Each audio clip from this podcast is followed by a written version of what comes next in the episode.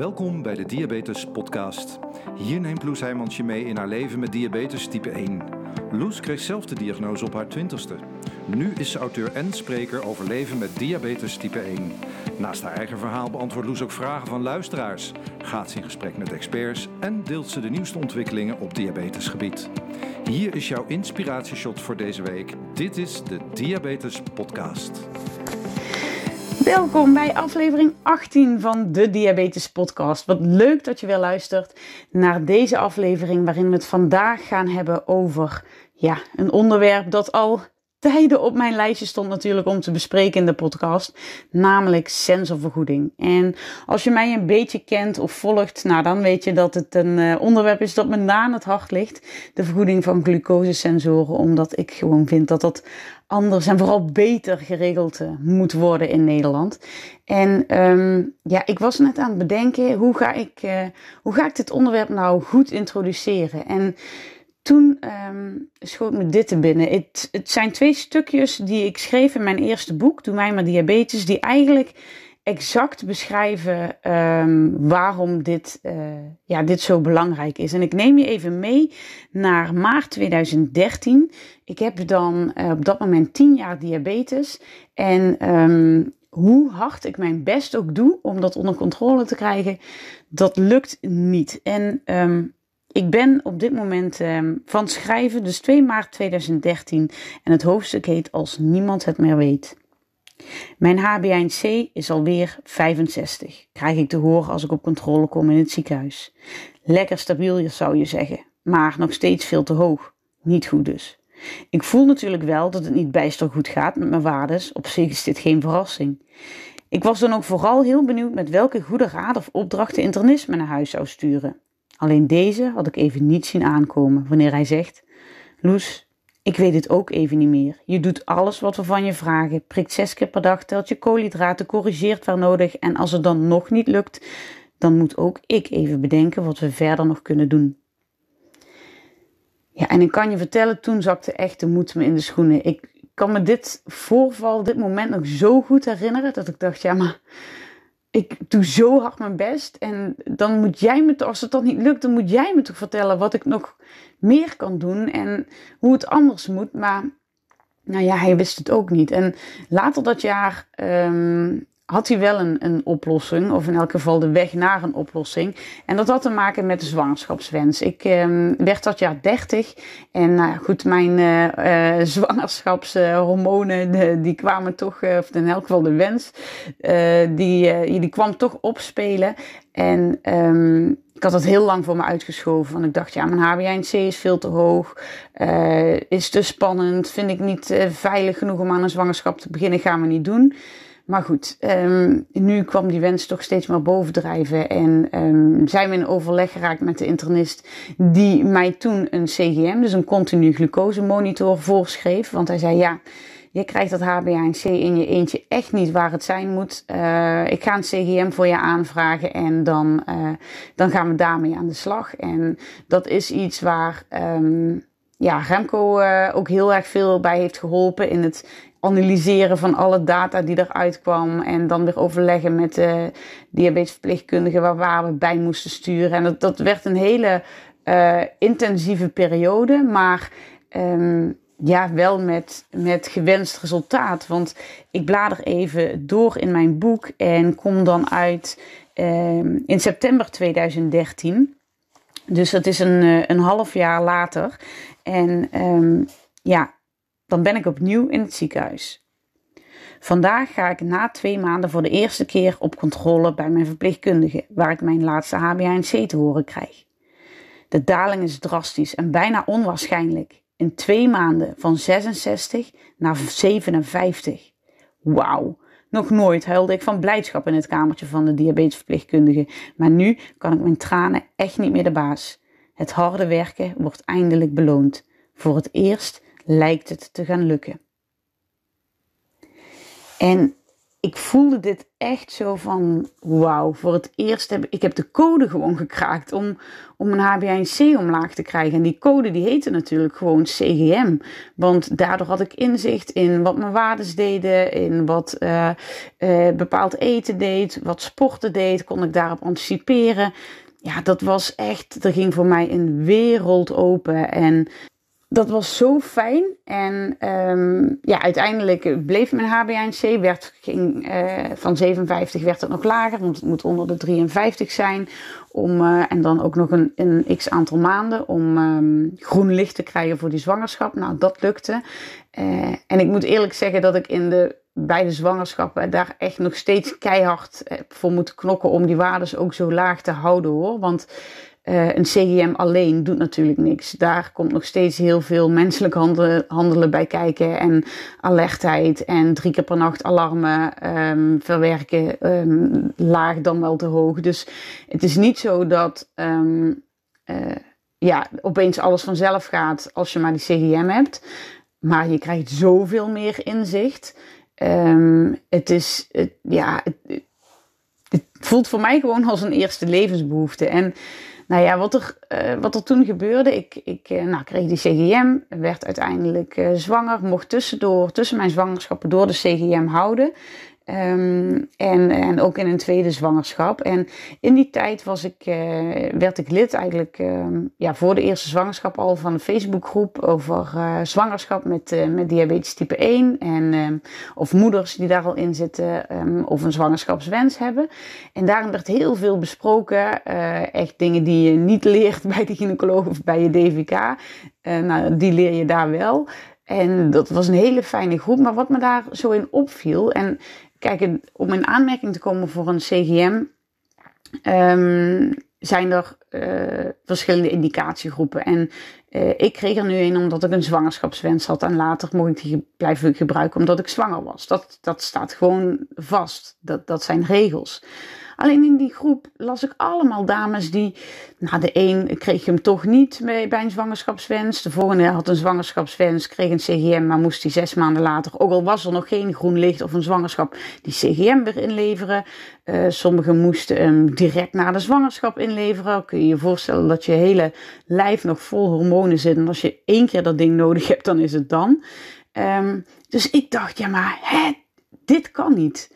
Um, dit, dit, dit is raar. Er zijn regels en die worden niet nageleefd. En uh, ja, ik, nou ja, ik vond gewoon dat het anders moest. En ik zeg nu gewoon, dat is natuurlijk niet zo gewoon. Maar um, dat was voor mij de reden om, uh, om op Facebook een berichtje te plaatsen. En ik weet zelfs nog op welke datum ik dat berichtje plaatste um, in die Facebookgroep. Dat is eigenlijk heel dat was echt wel stom toeval, want dat was op 28 januari 2019. En 28 januari is mijn diagnosedag. Dus dat, uh, nou ja, dat, dat moest gewoon zo zijn, denk ik. En um, ik plaatste een berichtje in die Facebookgroep van ja, ik, ik vind het gewoon oneerlijk hoe het nu geregeld is met uh, verhoeding van glucosesensoren. Ik vind dat er iets moet gebeuren. Uh, en wil een actie op touw gaan zetten. Ik wil een petitie opstarten. Ik weet eigenlijk niet eens meer of dat precies meteen al die petitie uh, in mijn hoofd had. Maar het moest een actie worden in ieder geval. En ik wilde een video maken waarin iedereen vertelde uh, wat haar wens was om, om CGM vergoed te krijgen. En nou, er kwamen echt super mooie reacties op binnen. En een van die reacties was van Orietta. En um, ja, Oriette, ik haal je er nu maar meteen even bij. uh, want uh, ja, jij uh, reageerde op, op dat berichtje. En nog heel even voor de mensen die, die jou niet kennen. Kun jij je even kort voorstellen? Ja, hoi, ik ben Orietta. Um, ja, ik heb net als Loes type 1 diabetes, al 18 jaar. En ik ben getrouwd met Mark. Ik ben sinds februari mama van Bram. Uh, de mooiste en liefste baby in de wereld. En uh, ik woon in Leiden. En ja, ik, uh, ik doe sensorvergoeding. ja, jij doet sensorvergoeding. Want reageerde ik op, de, op dat uh, Facebook berichtje, nou dat herinner jij je ook nog levendig. Er kwamen allemaal reacties binnen van, oh ja, ik wil wel een video maken en ik ga, uh, ik ga er ook mee aan de slag. En nou, vooral ook wat goed, wat goed. En jij reageerde van, nou, ik heb precies zo'n idee, kan ik je helpen? En vertel eens, waar, hoe, waar kwam die reactie vandaan? Ja, ik, um, ik was me er al langer over aan het verbazen en steeds meer eigenlijk boos maken over dat uh, die CGM dus helemaal niet vergoed werd. Um, op het moment dat ik hem kreeg, toen was het meteen al, ja, je krijgt hem maar voor een paar maanden, dan moet je hem weer inleveren. Ik vond dat zo fout. En inderdaad, in die Facebookgroep, maar ook op andere plekken hoorde ik steeds meer van andere mensen dat ze, dat, dat ze hem gewoon niet kregen of maar tekort kregen en dat het zoveel uh, leed bracht. Nou, daar wilde ik sowieso wat mee gaan doen. En ik was al gaan rondvragen van hoe pak je zoiets aan? Uh, zijn er ministers, zijn er Kamerleden, zijn er zorgverzekeraars? Bij wie moet je dan zijn? En ik was het al een beetje aan het uitzoeken. Um, en toen ja, zag ik jouw berichtje. En ik dacht, nou, dit is, uh, dit is perfect, want dit is iets dat je samen wil doen. Dat wil je niet in je eentje gaan beginnen. En um, ja, zo, uh, zo zijn we erin gerold samen zo geschieden. Ja, want toen, uh, toen gingen wij volgens mij diezelfde dag al, uh, al bellen. En ik weet ook nog dat uh, jij reageerde van ik wil je helpen. En volgens mij zit ik er toen nog onder van oh, ik zie ons al over het binnenhof lopen met, met heel veel handtekeningen. Maar echt, ik had echt geen flauw idee eigenlijk wat ik toen zei en wat er allemaal nodig is. Ik weet ook nog dat jij inderdaad zei, ja, ik heb ook al een brief voor de minister klaar liggen. En dat ik dacht, oh ja, dit is echt ja, precies wat je zegt. Dit, dit, zoiets kun je niet in je eentje. En, uh, en ook voor twee mannen is het heel veel werk, weten we inmiddels. Maar goed. maar we gingen ook echt meteen aan de slag. Hè? Heb jij nog een beetje helder voor de geest staan hoe die, hoe die maanden er toen uitzagen?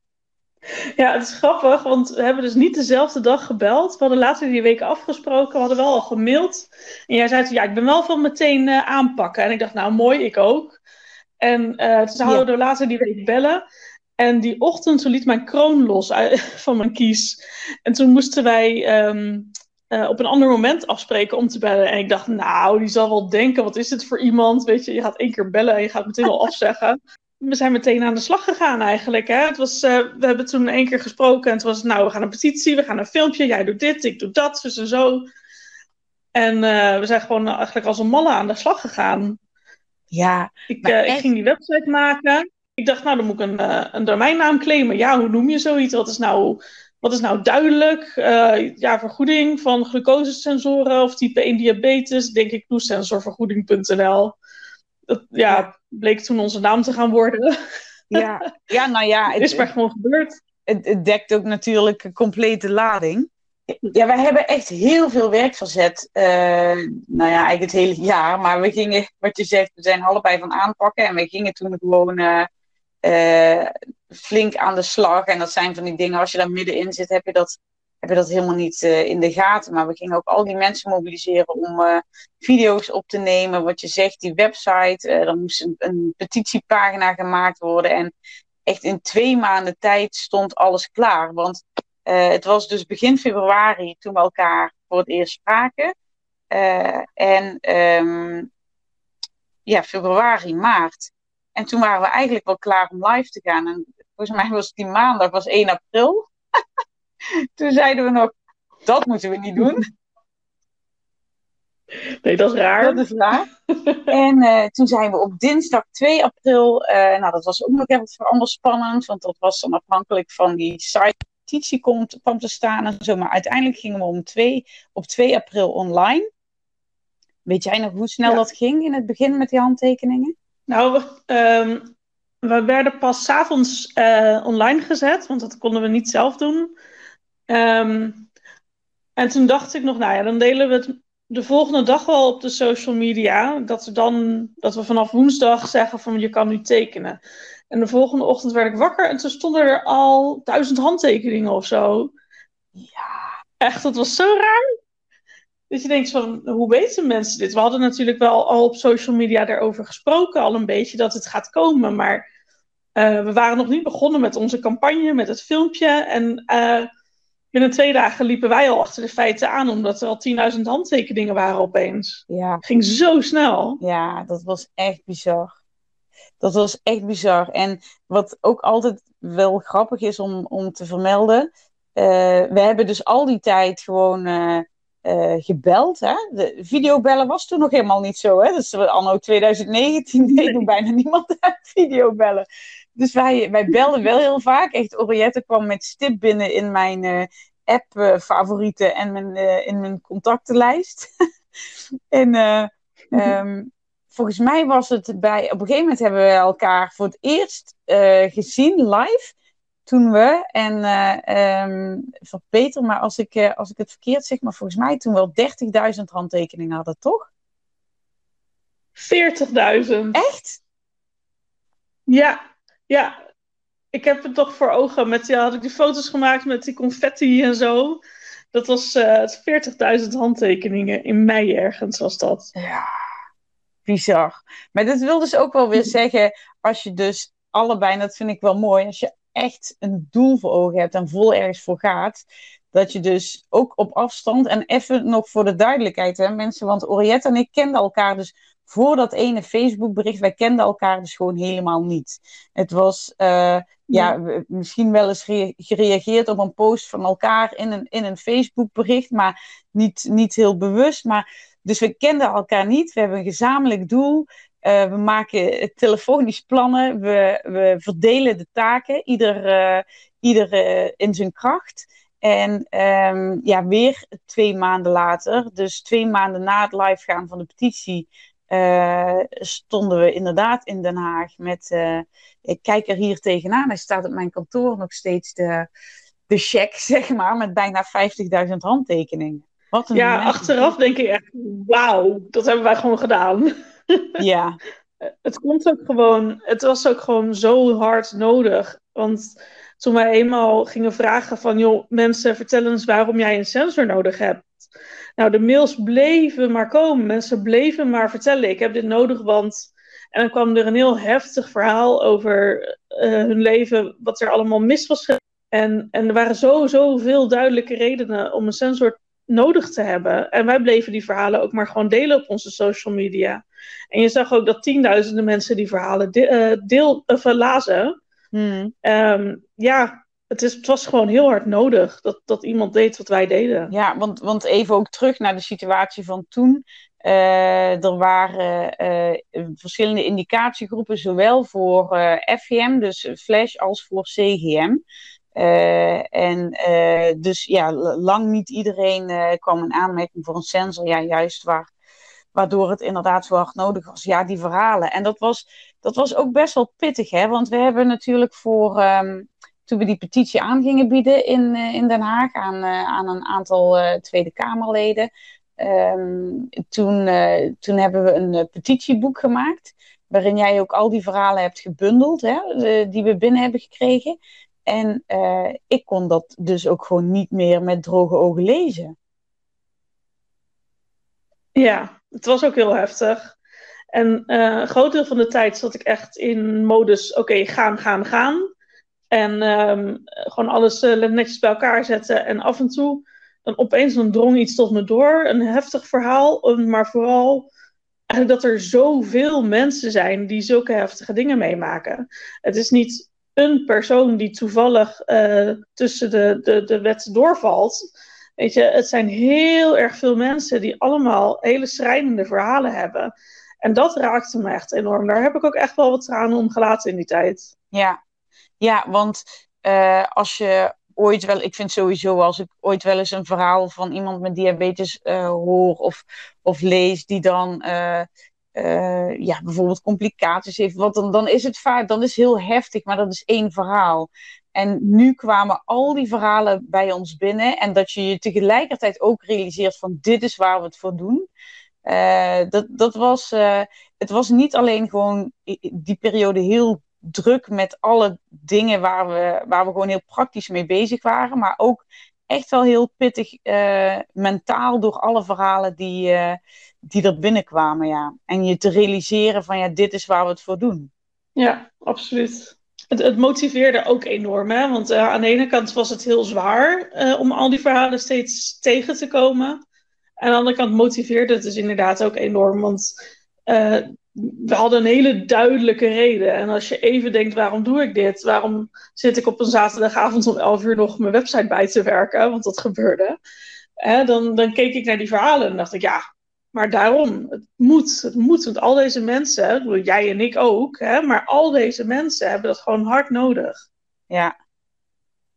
Ja, en dat is echt die, die bewustwording. Ja, daar zijn we nu nog steeds uh, heel hard mee bezig om daarvoor te knokken. Maar uh, ja, dat is wel, uh, dat is wel bizar. En um, toen, nou ja, goed, uiteindelijk stonden we daar uh, in, in Den Haag. Of nou, uiteindelijk. Voor mijn gevoel was dat, dat ook wel weer pas het begin. Want uh, waar ik van tevoren helemaal niet bij na had gedacht. toen ik dat bewuste Facebook-berichtje plaatste, was wat er echt allemaal komt kijken bij, bij zo'n actie. En heel eerlijk, ik denk als je me dat van tevoren had kunnen vertellen, dan had ik niet eens gedurfd om eraan te beginnen. Want um, laten we vooral niet alle uren optellen die we er uh, samen in hebben gestoken. Dat, uh, daar gaat niemand zich zomaar uh, vrijwillig instorten als hij weet wat hij kan verwachten, volgens mij. Dit was echt, dit was echt achtbaan XXL. Ja, ik denk dat het heel goed is dat wij van tevoren niet wisten hoeveel werk het zou zijn, inderdaad. Ja, ja want, want ook uh, bijvoorbeeld zo'n lobby bij de, bij de politiek. Um, weet je, om daar de juiste mensen het verhaal te kunnen vertellen. Mensen die dat, bij wie het past om het op hun agenda te zetten, maar die er ook gewoon uh, als persoon hè, voor openstaan om, uh, om die verhalen te delen en daarvoor te gaan strijden. Dat soort dingen. Hoe, hoe heb jij dat ervaren?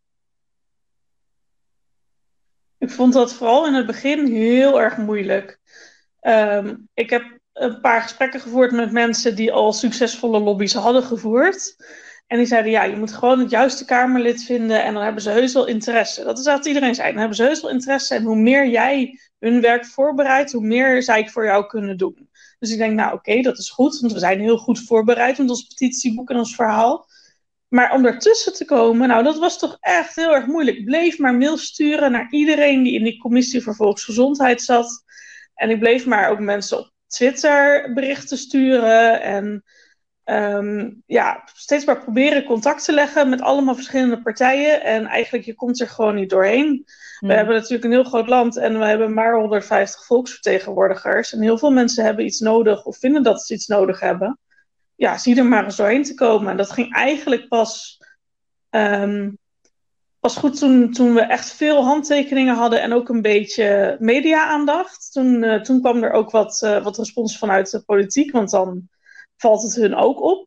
Mm -hmm. Maar pas, het balletje ging pas echt rollen nadat we de petitie hadden aangeboden. Want um, voor die tijd hadden we wel wat kunnen mailen, een beetje voet tussen de deur kunnen krijgen.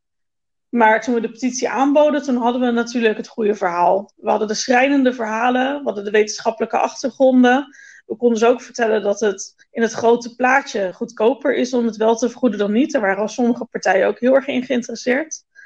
Ja, en toen konden we echt met één op één met mensen gaan praten. En dat zijn de mensen waar we nu nog steeds contact mee hebben in de Tweede Kamer. Ja, ja, zeker. En, en ook daar weer geldt hè, de, de kracht van het individu. Want, want die mensen die, uh, die moeten het voor ons daar doen. Hè? Dat, dat, ja, zo, dat is gewoon hoe het werkt. Ook wat, wat ik ook heel erg geleerd heb. Van ja, hoe lopen al die hazen in zo'n proces? En wie beslist nu eigenlijk wat? En, ja, en welke touwtjes moet je trekken om, om iets gedaan te krijgen? Maar Um, ja, wat, wat daar ook in een hele bijzondere stap was. Die petitie aanbieden was wel echt, echt een ding. Met al die media-aandacht. En ik weet nog, na nou, emotionele dwel als ik ben, na het aanbieden viel ik jou echt huilend in de armen. maar dat was echt de ontlading van, uh, uh, van al die maanden voorbereiding. En, uh, en ook wel al een beetje toen het besef van wat hebben we in hemelsnaam allemaal losgemaakt. En, en ja, toen begon het pas. En want later die maand, eind juni, waren we weer terug in Den Haag. Um, voor het algemeen overleg. Dat was de vergadering waarvan we dachten, nu kan het geregeld worden. Ja. Dus ehm, We hadden weer op social media heel veel mensen opgetrommeld. We waren daar met een hele hoop mensen die allemaal diabetes hebben. Of die iemand in een omgeving hebben die diabetes heeft. Iedereen droeg blauw.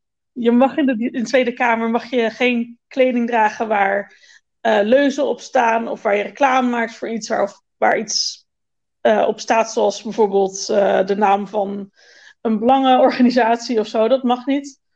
Um, maar je mag wel allemaal dezelfde kleur dragen. En daar konden we toch een statement mee maken.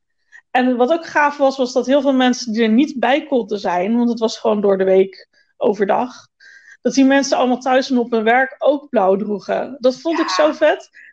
Al die ja. mensen die droegen dan iets blauws en dan zetten ze een foto op, eh, op Instagram of op Twitter. En dan zeiden ze, wij gaan, in gedachten gaan wij ook mee naar Den Haag. En dat was echt uh, heel gaaf. Ja, ja, dat was echt heel tof. Maar, maar inderdaad, wat je zegt, ook met, met uh, shirtjes met een logo of zo. Want we hebben natuurlijk hè, um, uh, onder andere Diabetes en JDRF hebben de petitie echt vanaf moment één uh, gesteund. En, en de afgevaardigden van JDRF die stonden uiteindelijk binnen in, bij, de, bij het algemeen overleg met een, een t-shirt binnenste buiten aan.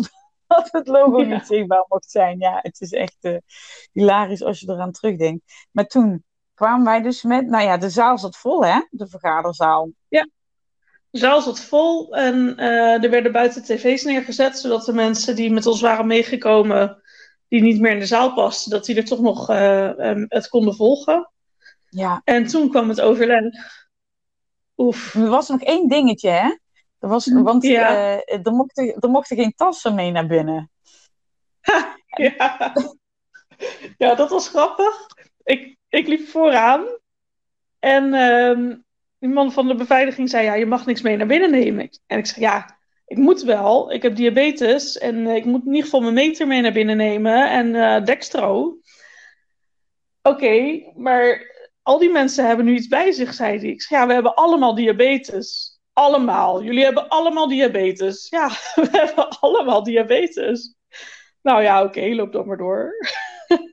ja, en toen begon dat overleg dus. Wat een gewaarwording ja. zeg. Nou, dan, uh, dan komt uh, de bureaucratie en de politiek om de hoek kijken.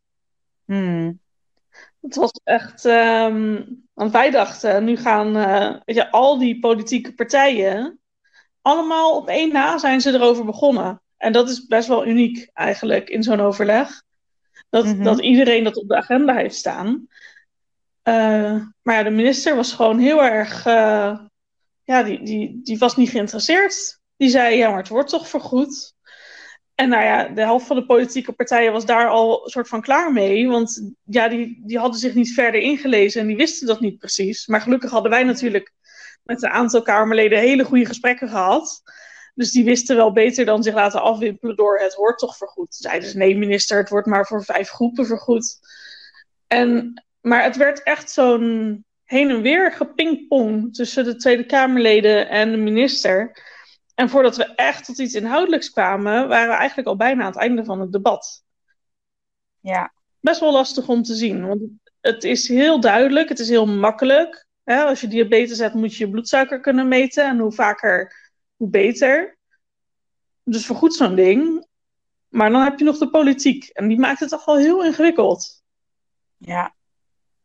Ja, dat was heel bizar om, uh, om bij aanwezig te zijn. En, en we hebben na afloop ook nog even kort gesproken met de minister. Nou, even voor, de, voor in de boeken. Dat was toen uh, minister Bruin. Ze zijn inmiddels twee ministers van volksgezondheid verder. Dus dat, frustreert ons natuurlijk ook, want je moet telkens weer opnieuw dat, dat verhaal over de bühne gaan krijgen. Um, maar ja, dat, dat, het, was een heel apart uh, iets om bij zo'n overleg aanwezig te zijn. En voor mij een bevestiging dat ik inderdaad nooit de politiek in moet. nou, inderdaad. Mij leek het altijd wel interessant. Maar ja, daar ben ik van teruggekomen. nou, toch weer wat geleerd eruit. Ja, en toen, toen ja. uh, was het, want dit was eind juni. Toen werd het natuurlijk zomer, nou zomerreces. Dan ligt alles, uh, alles helemaal stil uh, sowieso in Den Haag. En ik, ik kan me ook nog herinneren dat wij ook tegen elkaar zeiden van... Volgens mij moeten we nou een heel klein beetje gas terugnemen. Want als aan het eind van het jaar sensoren worden vergoed en wij liggen allebei, zijn allebei met een burn-out uit de running, dan, dan hebben we ook een beetje ons doel voorbij gestreefd. Want ja, we, we liepen echt een beetje op ons standvlees, hè? Ja. Ja, ik bedoel, je, ik, ik had op dat moment geen werk, maar ik was er minstens 40 uur per week mee bezig geweest. Terwijl ik eigenlijk altijd heb gezegd, ik ga niet fulltime werken. Uh, Maar dat deed ik toch maar even. En de minister die was vlak voor het reces teruggekomen met het verhaal... nee, we gaan dit niet aan het Zorginstituut vragen... want het Zorginstituut is al heel erg druk bezig met uh, de Freestyle Libre. Nou, daar was het Zorginstituut op dat moment al vijf jaar mee bezig... en er zat geen schot in. En maar daarom wilde hij ook niks anders aan het Zorginstituut vragen. Um, En daar ging eigenlijk onze, onze hoop. Hè? Wij dachten, als hij dat nu aan het Zorginstituut vraagt, dat ze daar wat mee gaan doen, dat ze dat gaan onderzoeken, dan zijn we een stap verder. Uh, maar dat gebeurde niet. En toen was het zomerreces. En wij wisten ook niet meer hoe we het verder moesten aanpakken. Aan de ene kant. En aan de andere kant was ik zwanger.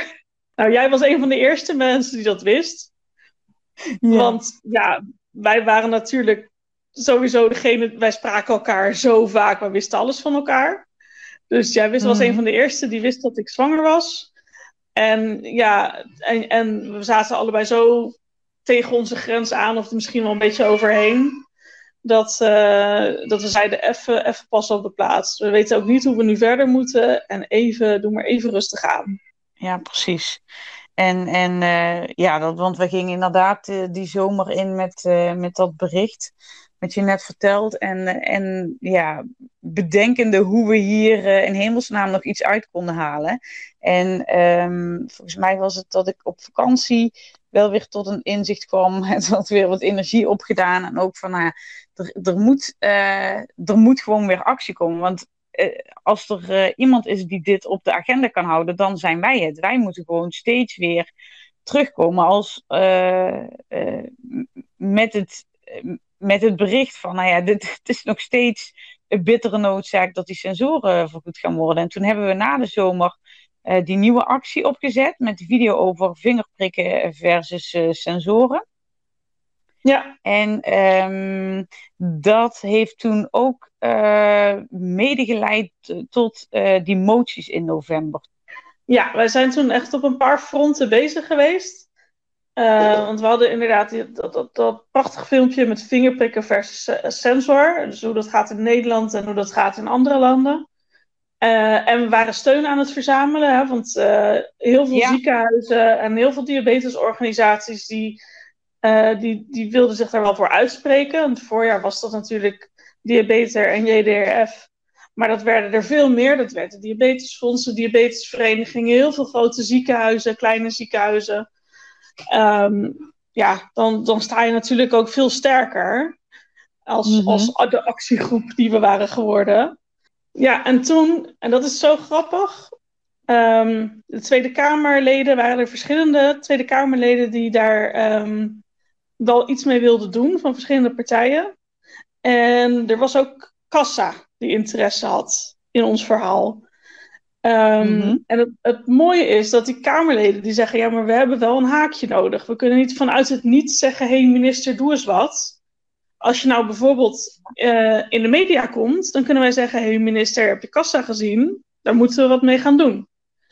En bij Kassa zeiden ze: ja, we willen je op zich wel in de uitzending, maar dan moet er wel iets mee gaan gebeuren. En zo is het toen gegaan. Dat wij kwamen toen in kassa. En uh, de week daarna werden de Kamervragen gesteld. En werden die moties inderdaad ingediend. Die moties die zeiden... Hey, um, Zorginstituut, ga eens onderzoek doen naar CGM-vergoeding. En doe dat een beetje snel. Dus ga niet een eigen nieuwe wetenschappelijk onderzoek instellen, maar bekijk gewoon de literatuur die er al ligt van al die andere wetenschappers die al onderzoek hebben gedaan. En kijk hoe het in het buitenland gaat, waar het vergoed wordt. Ja, want wij richten ons toen al vooral op onderzoek naar CGM, omdat we wisten dat naar eh, FGM dat onderzoek dat liep en was in een afrondende fase. Ja, precies. En um, wij hadden wel het vermoeden dat dat niet heel lang meer zou gaan duren voordat FGM vergoed zou gaan worden. Ja. Uh, we wisten niet dat het al zo snel zou gebeuren. Dat was natuurlijk wel mooi. Maar dat kwam natuurlijk ja. door de maatschappelijke onrust die wij hadden veroorzaakt. En ja. Uh, ja. ja, dus we moesten ons op CGM gaan richten. Ja, dus die, en die moties werden aangenomen. Ja, unaniem, uh, wat ook niet super vaak gebeurt. Uh, maar goed, daar komen we dadelijk nog heel even op terug. Want als we de tijdlijn even volgen, in november worden dus november 2019 worden die twee moties aangenomen, wat weer heel erg positief stemt. Mm. Um, want dan, dan is er, uh, uh, dat is de stip aan de horizon, zeg maar. Uh, dan is het december 2019, en volgens mij was het 10 december waarop het bericht naar buiten kwam dat FGM, uh, dus de Freestyle Libre, in het basispakket uh, zou komen voor iedereen uh, met intensieve insulinetherapie. Nou, toen, dat was weer echt een, een emo-momentje. en, en vooral, dat was natuurlijk echt ook een, ook een super fijne en grote doorbraak. En ehm, wat, wat, wat ik me daarvan wat me daarvan bijstaat, zijn vooral ook weer al die reacties op social media. Dat je ook ziet wat het bij mensen losmaakt die al die tijd nog gewoon uh, in hun vinger moesten prikken. Ja. En vanaf dat moment uh, beschikking kregen over een sensor. Ja, en dat hebben wij toen, hebben we dat natuurlijk heel veel gehoord, maar echt nog weken en maanden kwamen de berichten binnen, uh, ook via social media. Ik heb mijn eerste freestyle libre. Of ik heb nu een maand freestyle libre en nu kan ik eindelijk weer een beetje genieten of normaal leven. Of ik denk dat ik wel weer kan gaan werken.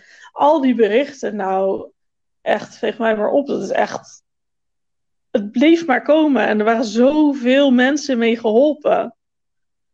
Echt, ja. ja. Ja, dus dat, is echt, dat was echt fantastisch. En ik heb dat nu nog steeds al. Ik had bijvoorbeeld um, van de zomer toen een keer gingen wandelen. Ik, ik, train dan voor de High Challenge van de Bas van de Gulf Foundation. En dan gingen we, ga je wandelen met een groep van, van 20 mensen met diabetes. Nou, zomer, korte mouwen. Dus je ziet echt bij bijna iedereen die freestyle op de arm zitten. En dat je, dat je om je heen kijkt en denkt, oh wauw, dit is tof. Ja. Ja, je, je ziet uh, opeens ook veel meer mensen met diabetes uh, in, in het wild, hè? ja, dat was echt. En ik, ik weet ook nog dat wildvreemde mensen mij op gingen bellen. Die zeiden, nou, ik, ik, heb, ik ben gewoon net zo lang gaan zoeken tot ik je nummer ergens vond. En ik wil je gewoon persoonlijk bedanken voor wat jullie hebben gedaan in die strijd voor sensorvergoeding. Ja. En, en ja, echt zo bijzonder. Ja, ja heel bijzonder. Ja, dat was echt... Uh, dat was echt heel cool. Maar ja, goed, super belangrijke stap, uh, uh, FGM in het basispakket. Uh, maar ja, daarmee waren ze nog niet van ons af natuurlijk. Want we hebben niet voor niks vanaf het begin gezegd, alle sensoren. Dus ook CGM, want er moet gewoon keus zijn. Ja. nou ja, goed, met die moties in de pocket gingen we dan best wel positief het jaar 2020 in. Um, maar er gebeurde niet zoveel. Nee. Uh, we hebben het nog wel goed gevierd, weet je nog? Ik vond dat zo grappig. Dat wil ik nog even vertellen. Ja, klopt. Wij dachten, um, het, het, het, zit allemaal niet helemaal mee met die politiek. Ja, kijk, in de Tweede Kamer willen heel veel mensen het wel. Maar hè, we zetten nog niet echt stappen. Maar wij hebben met z'n tweeën zo hard gewerkt. En er zijn ook zoveel mensen die ons hebben geholpen, geadviseerd, dingen die ons voor, voor ons hebben gedaan dat we dachten, we gaan gewoon een borrel geven tegen het eind van het jaar. Gewoon om even gezellig samen te zijn en even te vieren dat we zoveel hebben gedaan samen. Ook al is er nog niet iets om te vieren, we gaan, het gewoon, we gaan ons gewoon vieren. Ja, dat bedachten we inderdaad in oktober of zo. Ja, en we hadden dat gepland ja. op vrijdag 13 december. De dag nadat bekend werd dat FGM vergoed zou worden. Hoe mooi is dat? Ja, dat was bizar. Echt weer ja. het lot gewoon. Moet gewoon. Ja, dat was, uh, was ook een mooie middag en avond. Zeker, ja. Nou ja, ja. Toen, toen gingen we dus heel uh, positief wel het nieuwe jaar in. En we dachten, nou, uh, die moties die liggen er. Er zou nog een consensusdocument komen, behorende bij die vergoeding van, van FGM. Nou, daar zou dan ook nog van alles in komen te staan over hoe het dan met CGM verder ging. En wel, misschien wel al meer mensen die daarvoor in aanmerking komen. Er, er was heel veel hoop. Ja, nou, we waren nog uitgenodigd door het Zorginstituut. Dat was ook nog. Ook dat, dat gebeurde ook nog in december. Ja, want wij, um, wij, wij, waren natuurlijk bij Kassa toen. En Kassa had het Zorginstituut uitgenodigd, maar die wilde niet. En toen in december mhm. kregen wij opeens een uitnodiging van het Zorginstituut om met ze te praten. Samen met mensen van de Ronde Tafel, mensen van het ministerie van VWS. En in dat gesprek ja. werd het wel heel positief uh, voorgelegd, toch? Ja, ja, nou precies inderdaad. Van er komt nog een consensusdocument aan. En uh, daar werd wel voorgesteld van nou wacht maar even af wat daarin staat. Ook een beetje met een gevoel van, nou, het komende half jaar hoeven jullie geen actie te voeren, want uh, in juni komt dat document en dan zien jullie dan wel wat daarin staat, maar dat, dat komt wel goed. Beetje die, met die boodschap werden we daar weggestuurd. Ja, we hadden net die hele leuke bol gehad en we dachten in juni, dan kunnen we vieren dat CGM ook vergoed werd. Dat, ja. dat ja. gevoel kregen we van dat gesprek. Ja. Ja. Maar niets was minder waar. Helaas. Helaas. Ja. Nee, ja, als je kijkt, wat hebben we de. Want het is nu uh, weer november. Uh, als je kijkt wat we de afgelopen maanden weer gedaan hebben. Uh, nou, dat consensusdocument is er te laat, maar is er uiteindelijk gekomen. We hebben weer die oproep gedaan. Um, ook om de achterban weer te mobiliseren. Van laat eens van je horen richting organen als een DVN en een NDF. Want ja, er, er gebeurt gewoon niks. En die, die mensen moeten een beetje aangespoord worden. Ja, precies. Want we zijn inmiddels een jaar na die moties. Die zeggen, hey, Zorginstituut, ga CGM's onderzoeken. En dat onderzoek is nog niet eens mhm. gestart. En, en ja, wij wilden ze wel wat tijd, wat ruimte geven om dat consensusdocument te schrijven. Want daar zou CGM-vergoeding in aan bod komen. Maar ja, nu dat niet zo is, ja, nee, uh, dan moet iedereen maar eens eventjes hard aan het werk gaan daar. En daarom hebben we natuurlijk mensen gevraagd om al die partijen aan de ronde tafel aan te schrijven. Wat ook echt heel veel is gedaan. Maar ja, um, het schiet gewoon niet op zo. Nee. Nee, het schiet zeker niet op. En um, het, het, frustreert ook enorm, vind ik zelf. Want uh, wij weten inmiddels dat er. Uh, er is zoveel wetenschappelijk bewijs wat uh, pleit voor het gebruik van CGM. Ehm, er is zoveel bewijs uit de praktijk. Hè? Mensen die zoveel beter functioneren, weer mee kunnen doen in de, in de maatschappij, weer durven autorijden, weer kunnen werken, een bepaalde studie volgen, alleen maar door het gebruik van CGM. Uh, er is zoveel gezondheidswinst als, als ik alleen al kijk naar mezelf en wat ik nu kan doen door middel van het loepen en, en waar dat me brengt in 16 jaar diabeteshistorie met waardes, HbA en 1C's die, die ik nog nooit voor mogelijk heb gehouden, maar wat gewoon lukt door CGM. Het is, ja, weet je, de, de, alleen de voordelen van CGM, daar kunnen we al een, een aflevering, een podcast mee vullen. Eh, en dat dat gewoon niet gezien wordt, dat, dat frustreert echt enorm. Enorm. Het, het is ook niet te bevatten hoe, hoe kortzichtig daarover nagedacht wordt. Dat je dan moet gaan bewijzen dat, dat CGM beter is dan FGM voor sommige mensen. En dat je dat dan in regeltjes zou moeten gaan vatten, terwijl Um, ja, mensen weten zelf wel wat ze nodig hebben. En hun behandelaren weten wel wat patiënten nodig hebben. Um, ik bedoel, wij mogen ook kiezen voor een bepaalde insulinepomp. En waarom doe je dat? Omdat de ene pomp andere functionaliteiten heeft dan de andere. Die heeft misschien een afstandsbediening, of die heeft wel of geen slangetje. Of uh, die, die kan met jouw sensor samen. Er zijn allemaal redenen om voor een bepaalde pomp te kiezen. En niemand gaat moeilijk doen. Nee, je mag deze pomp wel en die niet. Waarom is dat dan bij sensortechnologie anders? Het is onbegrijpelijk. Ja. ja, precies. En het is ook, uh, um, ja, we, wat wij altijd hebben gezegd, het moet gewoon beschikbaar zijn. En arts en patiënt kiezen samen voor de beste uh, behandelmethode. En, en ja, dat is waar we nog steeds vol voor gaan natuurlijk. En nou ja, we werden uh, we waren een beetje verrast, uh, blij verrast, maar ook verbaasd over een uitnodiging die we dus een paar weken geleden in de mail kregen van het Zorginstituut om aan te sluiten bij de ronde tafel. Ja, We mogen langskomen om uit te leggen waarom wij vinden dat de wetenschappelijke literatuur duidelijk is. Ja, daar komt het wel op neer, inderdaad. Ja, dat is toch wel bijzonder, want de ronde tafel kan aan het Zorginstituut vragen om een onderzoek te starten. Maar de minister kan dat ook. En inmiddels hebben drie ministers van medische zorg gevraagd aan het Zorginstituut om het te gaan onderzoeken. En heeft het Zorginstituut steeds gezegd: nee, we hebben er in 2017 al wat over gezegd. Er is vast niks nieuws. Maar nu mogen wij gaan uitleggen waarom er wel iets nieuws is. Nou, ik doe het met liefde, tuurlijk, maar ik vind het wel bijzonder ja, bijzonder is, is, wel, uh, is wel het juiste woord. Maar ja, goed, daar, het heeft er wel toe geleid dat sensorvergoeding uh, opnieuw aan de orde van de dag is. Dat je opnieuw in mijn uh, top drie van de meeste geappte en belde contacten staat.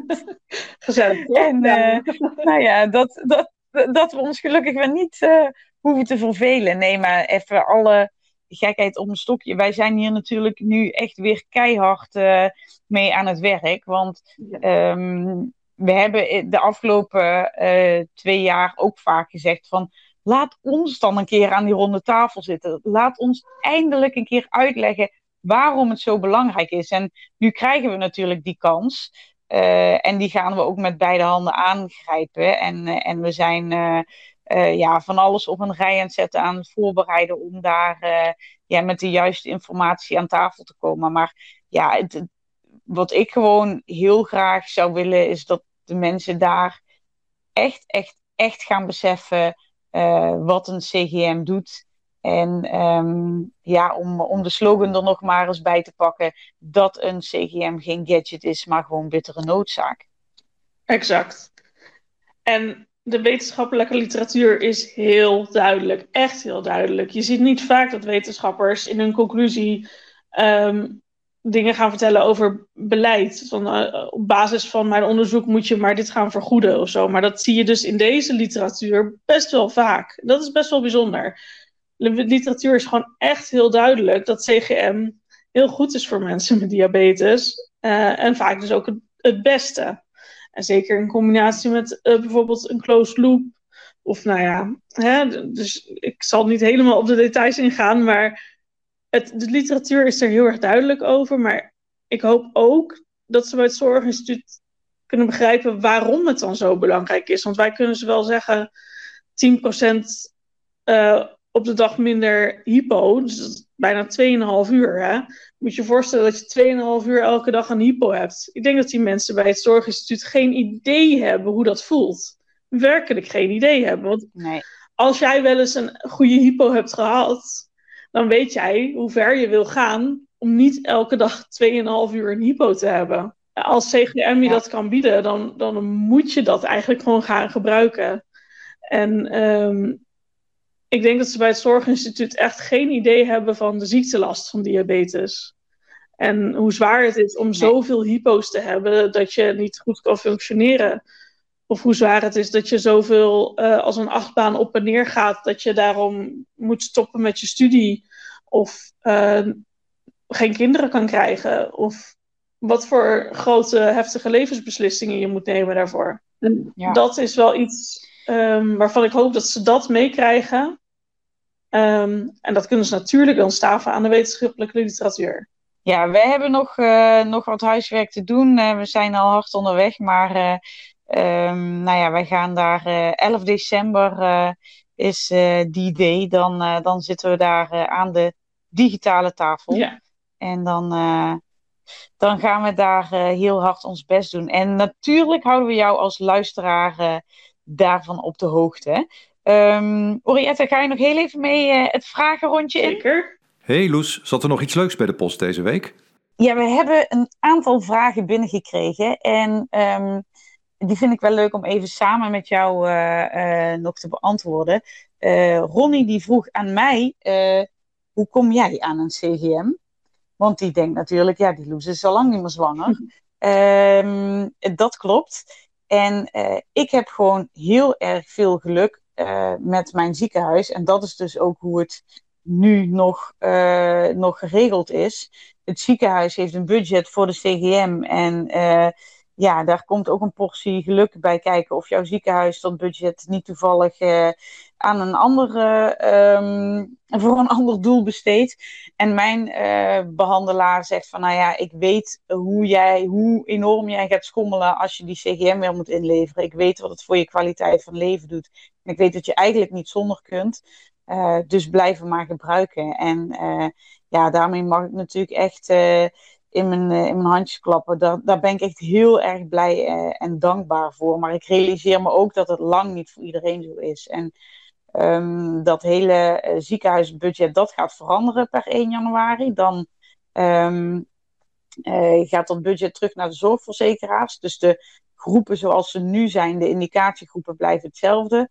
Maar um, ja, het, uh, de CGM komt dan uit het budget van de, van de zorgverzekeraar. En zou niet meer afhankelijk moeten zijn van, een, van het ja, ziekenhuis waar je zit. Dus hoe dat in de praktijk gaat, uh, gaat lopen, dat, ja, dat moeten we gewoon even afwachten.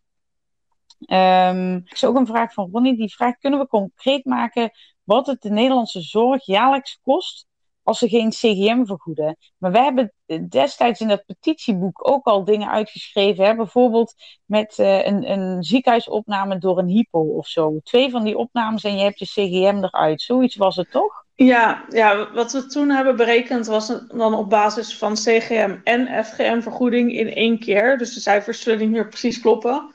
Maar uh, wat wel blijkt in de landen om ons heen, waar uh, CGM en FGM allebei vergoed worden, is dat er veel minder ziekenhuisopnames zijn met, uh, met hypo's en veel minder ziekenhuisopnames met uh, ketoacidose. En die zijn opnames, maar ook bezoeken aan de spoedeisende hulp. Dus uh, dat zijn allemaal dingen die op korte termijn al veel minder gaan gebeuren op het moment dat mensen een CGM gaan gebruiken. Um, dus dat gaat heel veel geld schelen. verder zijn er ook veel minder ziekmeldingen. Mensen zijn kort of langdurig ziek, vaak door diabetes uh, tussen, niet vaak, maar er zijn, is een grote groep mensen waarvoor dat geldt.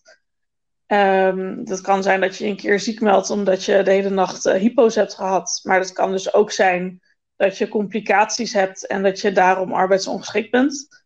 Nou, dat gaat ook veel minder voorkomen mm -hmm. bij mensen die CGM gebruiken. En dan op langere termijn heb je dus die complicaties überhaupt gaan veel minder voorkomen. Dus veel minder uh, hart- en vaatziekten veel minder nierfalen, veel minder zenuwschade, uh, veel minder uh, oogproblemen. Dat zijn dingen die heel erg duur zijn om te behandelen. En uh, ja, de kosten van een CGM zijn daarbij echt peanuts. Ja, maar dit is ook wel meteen een puntje wat ons in de strijd enorm frustreert. Hè? Dat hier dus bijna niet naar, bijna, dat hier dus niet naar gekeken wordt. Ja, er wordt heel veel korte termijn gedacht. Um, er wordt echt zo gedacht, jij doet nu vingerprikken aan uh, 1200 euro per jaar. Of je doet dan nu FGM aan 1560 euro per jaar. En als jij dan een CGM wil gaan gebruiken, die kost 4000 euro per jaar. 4000 euro is meer dan 1560 euro, dus we willen het niet. En waar dus dan niet hmm. naar wordt gekeken is of jij misschien nu een uitkering krijgt omdat je niet kan werken door je schommelende waardes. Of, uh, of dat jij regelmatig in het ziekenhuis te vinden bent met uh, ernstige hypo's. Of dat je misschien wel uh, eh, 15 keer per jaar met je DVK afspreekt, omdat je uh, grip wil krijgen op je bloedsuikers, wat maar niet lukt zonder CGM. Dat zijn allemaal dingen die ontzettend veel geld kosten. En um, wat je dan eigenlijk doet, is achteraf behandelen, terwijl je met de CGM gewoon heel veel ellende kan voorkomen. Ja, hopelijk krijgen ze dat, dat ook aan het verstand gepeuterd. Nou, en ik heb nog een um, laatste vraag die ik binnenkreeg van Willemijn. En um, daar ga ik je even vragen om een top 3 te geven. Want zij vraagt: wat zijn volgens jullie de grootste voordelen van CGM? Maar ik zei straks al: volgens mij kunnen we, kan ik alleen over de voordelen van CGM al een hele podcast vullen. Dus wat is jouw top 3 grote voordelen om, om CGM te gebruiken? Jeetje. Um, ja, momenteel ben ik zelf, net als jij, aan het lopen. En dat kan alleen maar met een CGM. Mm. Of met een geknutselde FGM die een uh, CGM wordt. Ja, dus die loop mm-hmm. die, die, is echt, die neemt me heel veel werk uit handen. Waardoor ik tijd en energie heb die ik aan andere dingen kan besteden. Dat is een van de hele ja. grote voordelen. een ander heel groot voordeel vind ik natuurlijk de alarmen. En dan vooral in de nacht. Ehm, ik was echt heel erg bang mhm. om te gaan slapen vroeger. Ik was vooral bang om niet meer wakker te worden. En als ik dat nu zeg, vind ik het echt zo heftig klinken. Maar dat was, toen was dat gewoon mijn dagelijkse realiteit. Ik was bang om niet meer wakker te worden.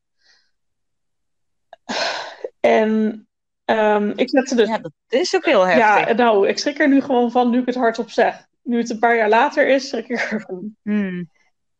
Maar dat was, dat was mijn hmm. realiteit toen. Ik was daar echt bang voor en ik zette wekker s'nachts. En soms één keer en soms vier keer. Om te kijken of het goed ging. En als het niet helemaal goed ging, dan ging mijn wekker dus ja, nog een keer die nacht. En dan nog werd ik regelmatig wakker met... Ja, om te kijken of het goed ging. Je, dat, was, dat was dan natuurlijk niet kijken, dan ging je ook prikken. Dan ging ik ook prikken, ja. En als ik nu een FGM zou hebben, zou ik dan nu scannen. Ehm, ja, ja.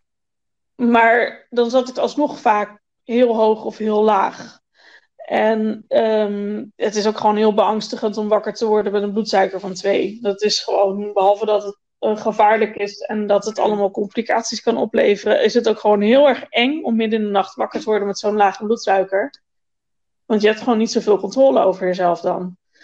Ehm, en de alarmen van de, van de CGM, die hebben me daar echt sindsdien voor behoed. Ik heb mijn alarm op 4.3 staan s'nachts. Dus nog voordat ik echt een hypo heb.